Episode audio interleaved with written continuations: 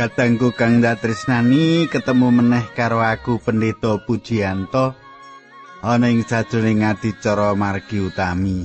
Adicara iki tak pisuksungake kanggo panjenengan kang seneng gekilut, seneng sinau pangandikane Gusti saka kitab suci iki. Ayo nyerak aku ing kene sugeng midhangetake adicara iki.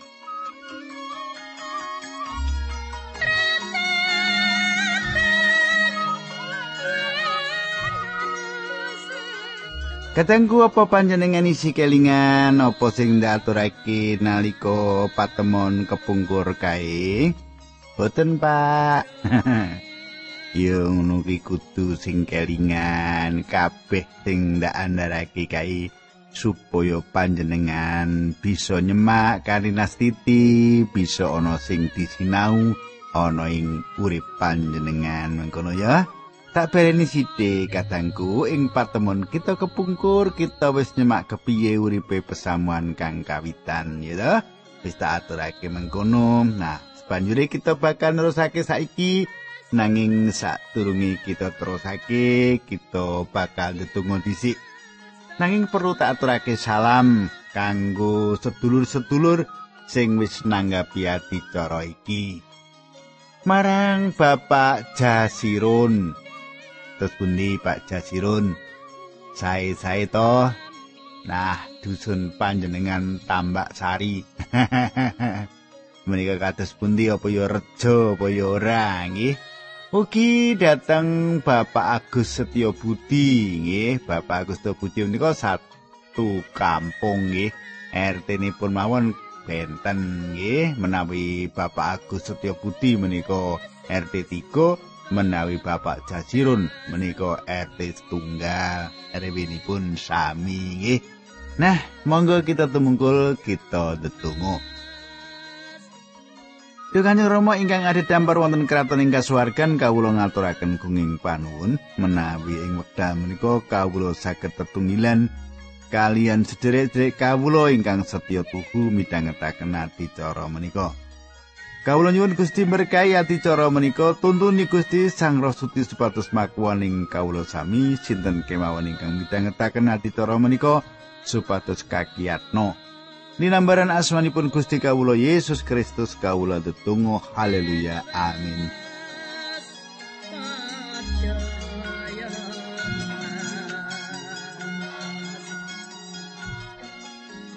Para pamirsa, Saiki pasinaon kita wis ngancik ing kitab Para Rasul bab telu kita isih ana ing sadroning perangan kawitan saka kitab Para Rasul kang ngatonake Gusti Yesus Kristus kang lagi makarya kanthi Sang Resuci lumantar para rasul ing Yerusalem. Kita mbutuhake panguasane Sang Resuci kang gesanging jaman saiki. Syukur marang Gusti Allah. Panjenengane ana ing jagat ngendhaleni kadurakan ing sadroning jagat iki. Kita ora perlu goleki panjenengani, panjenengane manunggal ing sadroning urip wong kang pracaya ing sadroning Gusti Yesus Kristus. Coba panjenengan cemak bab telu ayat siji ing sawijining dina jam telu awan ngarepake wektu sembahyang Rasul Petrus lan Rasul Yohanes padha menyang pedalemane Allah. Panjenengan semak ayat iki? Katengku, iki cetha sawijining wektu kanggo pisungsung korban sore nalika imam mlebu kanggo misungsungake ukupan kanthi tunga-tungani. Wayah iku wayah ngaturake pisungsung korban sore. Kita nemokake ing sadurunge pasal kawitan kitab Lukas yen Zakaria lagi lelati Nalika dheweke ana ing ngarepe mesbah mas lan malaikat ngaton ing ngarepe. Mesbah ukupan meratelake gegayutan karo donga. Iki sawijining wektu kanggo ndedonga, kanggo ndonga. Ing kono bakal ana kumpulan wong akeh ing sakiwa tengene pedalaman Allah lagi ndedonga ing wektu kuwi. Dadi wayahe wayah ndedonga. Saiki ayat loro. Ing sak cedhake gapuraning pedalaman Allah. singkaran gapura indah ana wong lumpuh wiwit lair mula. Wong lumpuh mau saben dina digendong lan dipapanake ana ing sacedhake gapura mau supaya bisa ngemis marang wong-wong sing padha mlebu ing pedalemane Allah. Kadangku iki gapura kang indah lan ing kono ana wong lanang kang lagi nandang kasangsaran secara badani. Manungsa bisa gawe prakara-prakara kang indah. Nanging manungsa ora bisa ndandani awake dhewe. Manungsa bisa ngrawat badane saapi-apike, nanging mesti wae manungsa ora tau bisa ngrubah sifat lawase. Yaiku watek lelawanan kang kita duweki ing kene gapurane pedalaman Allah kang indah lan wong lanang kang lumpuh awit saka kandutan ibune. Wong kuwi ana ing gapura pedalamane Allah kanggo nyuwun sedekah. Ya mengkene iki pola uripe. Ayat telu bareng wong lumpuh mau weruh Rasul Petrus lan Rasul Yohanes harap mlebu pedalamane Allah banjur nyuwun sedekah. Kadangku perkara iki ngatonake marang kita yen sawise dina Pentakosta, Petrus lan Yohanes isih lunga ing pedalemane Allah kanggo ndedonga. Kabeh wong pratoya ing Yerusalem yaiku wong-wong Israel utawa wong-wong kang lagi mlebu agama anyar lan wong-wong mau nerusake pakulinan kanggo lunga menyang pedalemane Allah ndedonga. Wong ngemis melarat ndeleng Petrus lan Yohanes. Ndeleng Rasul Petrus lan Yohanes lan dheweke duwe pengarep-arep yen wong-wong mau bakal weweh. Ayat 45 Rasul loro-lorone padha mandeng wong lumpuh mau lan Rasul Petrus banjur ngendika ngingetno aku. Wong lumpuh mau yo ngawasake Rasul Petrus lan Rasul Yohanes karung ngarep-arep bakal diparingi apa-apa. Panjenengan sama ayat iki. Kataku, nalika wong loro iki menehi marang dhewe kawigaten kaya mengkono kuwi. Wong kang ngemis kuwi nyawang wong loro mau kanthi yakin yen wong loro mau bakal menehi apa-apa. Tak terus enam. Nanging Rasul Petrus ngendika, duit aku ora duwe Nanging apa sing ndak duweni iki ndak wenehake marang kowe atas asmane Gusti Yesus Kristus saka Nazaret mlaku. Kadangku jaman saiki gereja kang wis tumata duwe bondo donya. Ya to, nek organisasine wis apik akeh bandane. Manut aku menawa wong bisa nglumpukake kabeh bondo deduwekane gereja. Kabeh golongan kabeh aliran lan dudu aliran ing saindeng Indonesia. Aliran ing kene denominasi tegese yo kita bakal nemokake gereja luwih sugih tinimbang organisasi ngendi wae uga. Nanging gereja zaman saiki kekurangan panguwasa kekurangan kasekten. Saiki panjenengan gatake apa kang ditindakake Petrus? Coba diterusake ayat pitu Petrus nuli nyekel tangane tengen wong lumpuh mau nulungi nggone ngatek sanalika sikile lan poloke wong mau dadi kuku. Katengku. Panjenengan katake yen nalika dokter Lukas nulis sawijining mukjizat. Dheweke ngrinci tulisane kang ora bisa kita temokake ing sajroning kitab-kitab kang liyane. Dheweke nyaritakake secara khusus mligi apa kang wis dumati sanalika sikile lan poloe ya terangke kan dirinci saiki ayat 8 nuli ngatek maknyat lan mlaku mrono mrene. Wong mau nuli nderek para rasul mlebu ing pedalamane Allah karo lincak-lincak lan memuji ngluhurake asmane Gusti Allah. Kadangku aja lali bab lincak-lincak. Prakara iki dumadi kaping pindho ing ayat iki.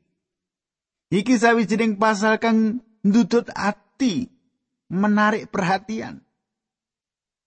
Petrus bakal nawakake kratone Allah, kerajaan Allah marang bangsa iku sepisan maneh. Awit nalika iku warga gereja isih 100% wong Israel. Ora ana wong dudu Yahudi kang asale saka njaba ora. Gereja wiwit saka wong Yahudi ing Yerusalem. Sebanjure lagi gereja bakal tambah-tambah berkembang nganti pungkasane jagat. Nanging nalika kuwi lelakon kuwi sawijining wektu Yerusalem. Lelakon kuwi periode Yerusalem. Iki sawijining mangsa kegantian. Gusti wis ngendika yen wong-wong pracaya mau bakal wiwit ing Yerusalem. Wong-wong pracaya ora wiwit lunga menyang pojok-pojoke jagat. Lan saiki kraton iku ditawakake meneh marang bangsa Israel. Iki bakal dadi sawijining wewengan kang pungkasan. Apa kang bakal dadi sawetara tondo kang bisa dikenali saka kraton iki? Kang kawitan yaiku wong kang lumpuh bakal mlumpat. nek mau lincak-lincak wong lumpuh bakal mlumpat kaya menjangan wong bisu bisa sorak-sorak ing segara wedi bakal metu banyune lan kali-kali bakal milik ana ing ororo samun. Panjenengan bisa maca Yesaya 35 ayat 6 kaping loro saben wong kang ibadah ing dina iku padha kumun ndeleng wong lumpuh iki lincak-lincak.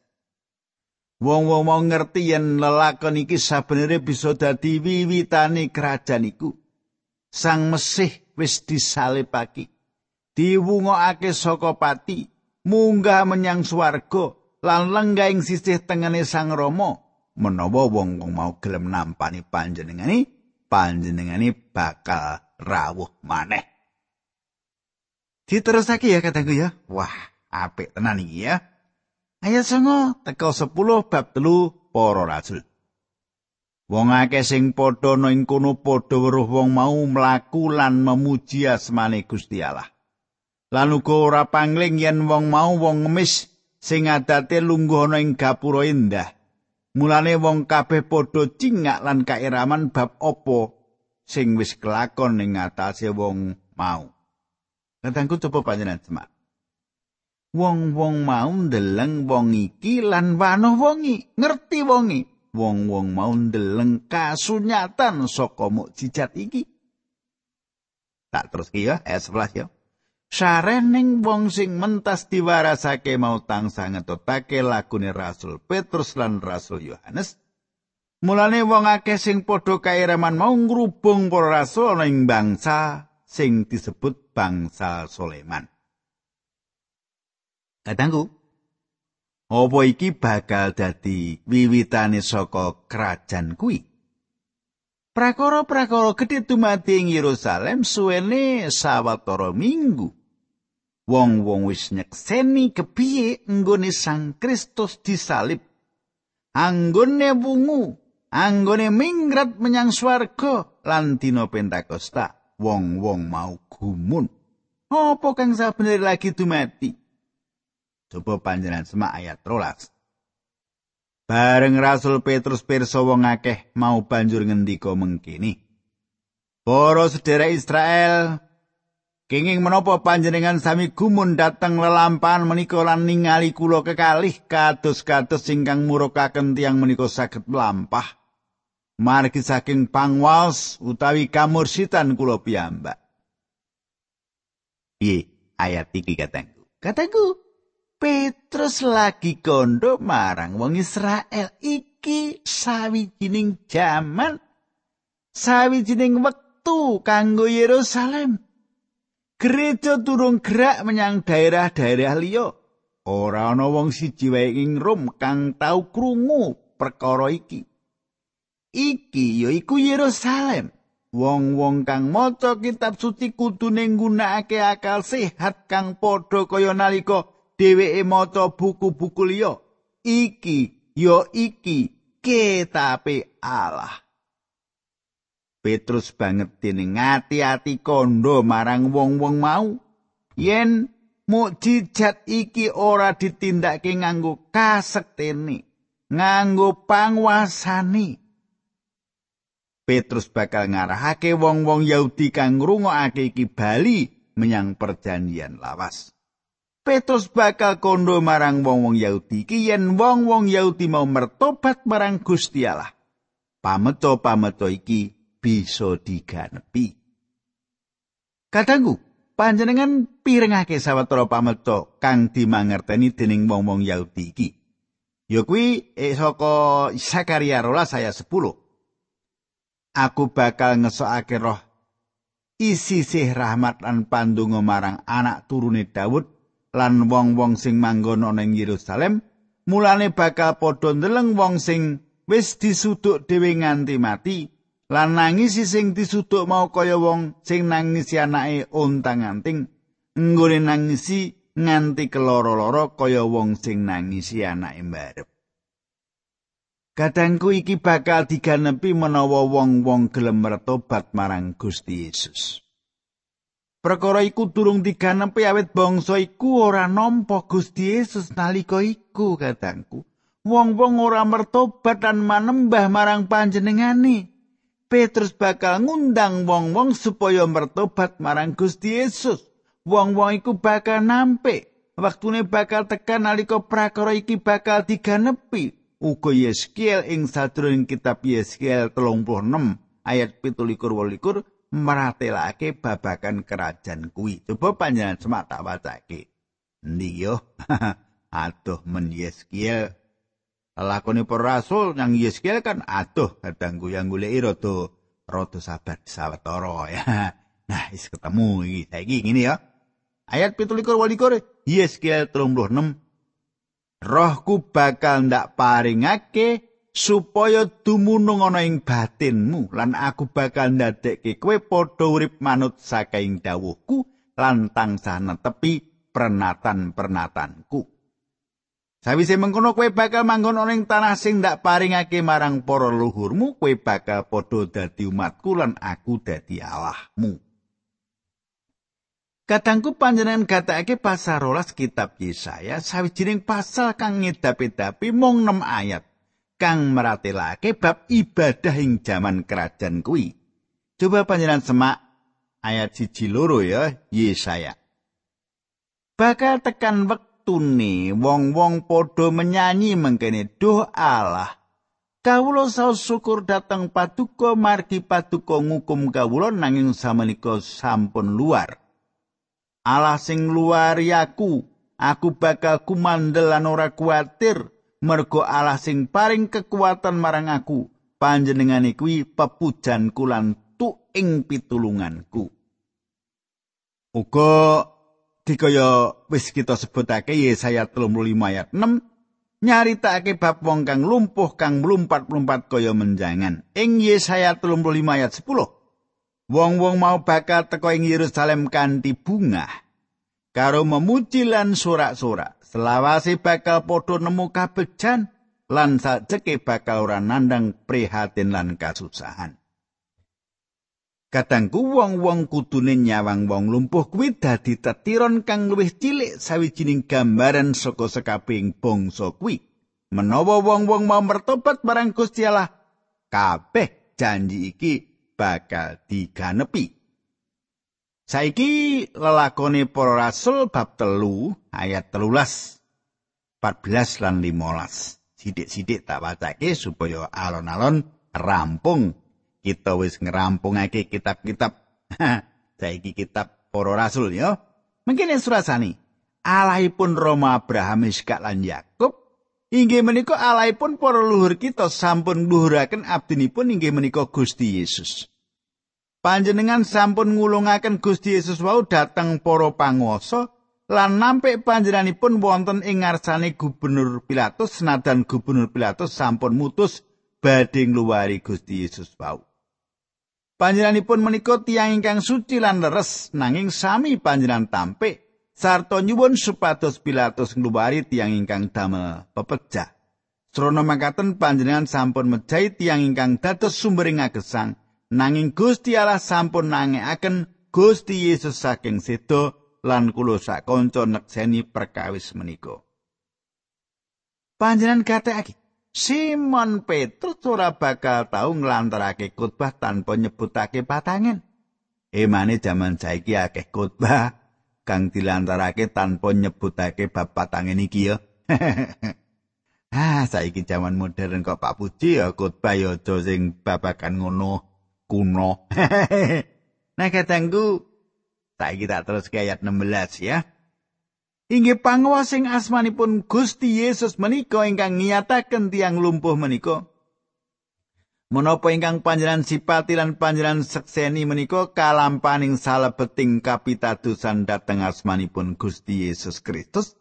Inggih kapitadosan menika ingkang njalari sarasipun tiang lumpuh menika kados ingkang panjenengan tingali semangke. Kadangku ya iku apa kang bakal wong-wong tindakake ing sadurunging kerajaan kuwi.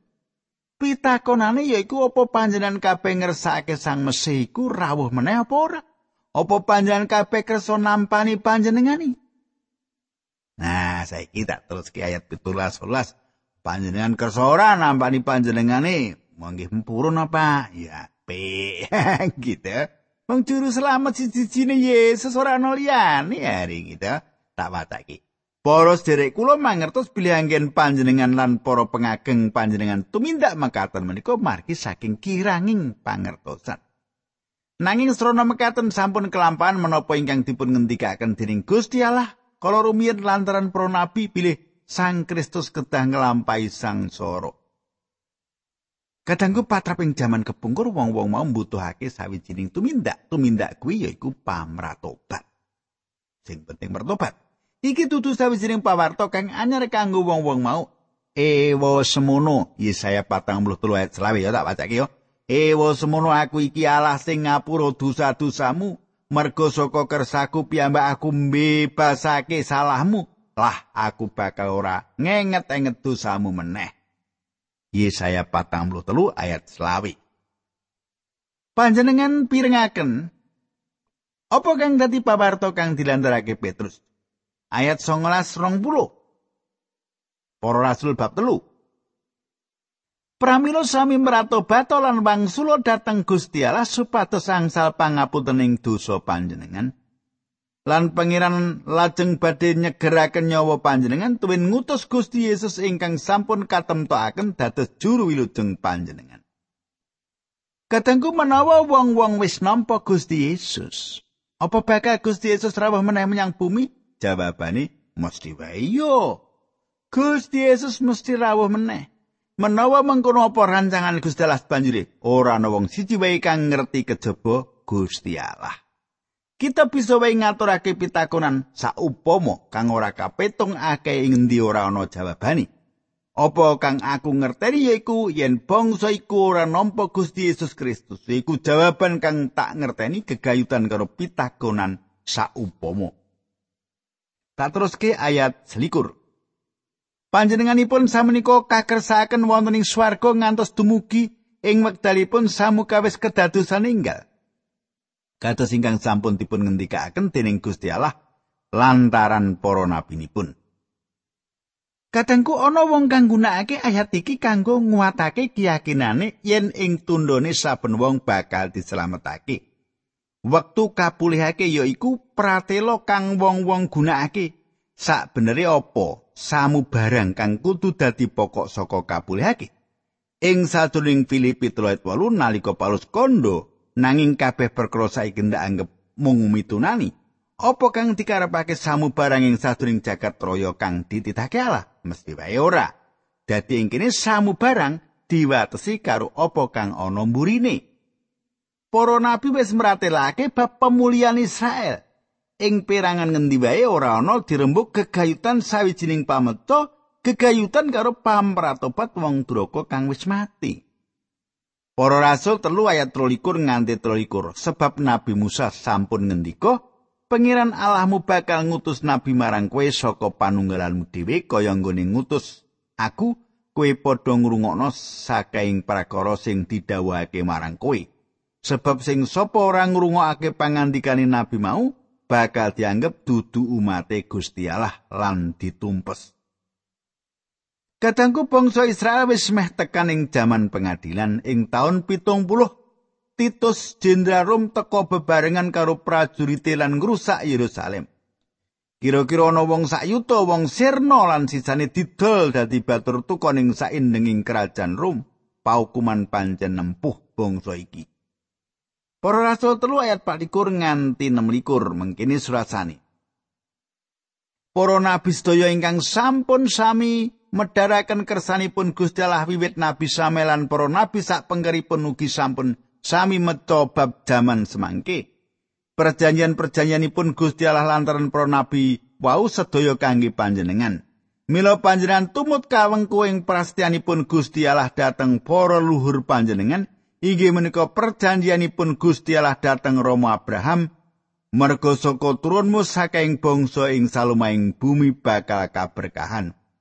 Kados makaten Gusti Allah sampun milih lan ngutus abdinipun supados ngrawi panjenenganipun rumiyin berkahi panjenengan lan nuntun panjenengan supados nilar mergining piawon ingkang panjenengan nambah. Katengku iki sawijining jaman ganti gumanti. Marang wong-wong diparingi wewengan pungkasan kanggo nampani Sang Mesih, awit wong-wong muang wewengane kanggo nampani Sang Mesih, sepanjure Paulus bakal teko kepapan mau minangka rasul kanggo wong dudu Yahudi, apa kang bisa uga wis dumati saupama wong Israel wis mertobat marang Gusti Allah mung sawijining patrap untung-untungan. Wong-wong ora mertobat marang panjenengani. Gusti Allah ora tau kaget karo apa kang ditindakake manungsa lan panjenengan isih nyambut gawe perkara-perkara kang selaras karo rancangan lan tuani. Nah, monggo kita tumungkul kita ndedonga. Duh Gusti matur sembah nuwun sanget. Kawula sinau saking kayektosan lampahipun para rasul bab tiga menika kawula pasrahaken wonten ing asta paduka para sanak kadang kawula supados muwi kawruh rohaninipun linambaran asmanipun Gusti Yesus Kristus kawula ndedonga haleluya. Amin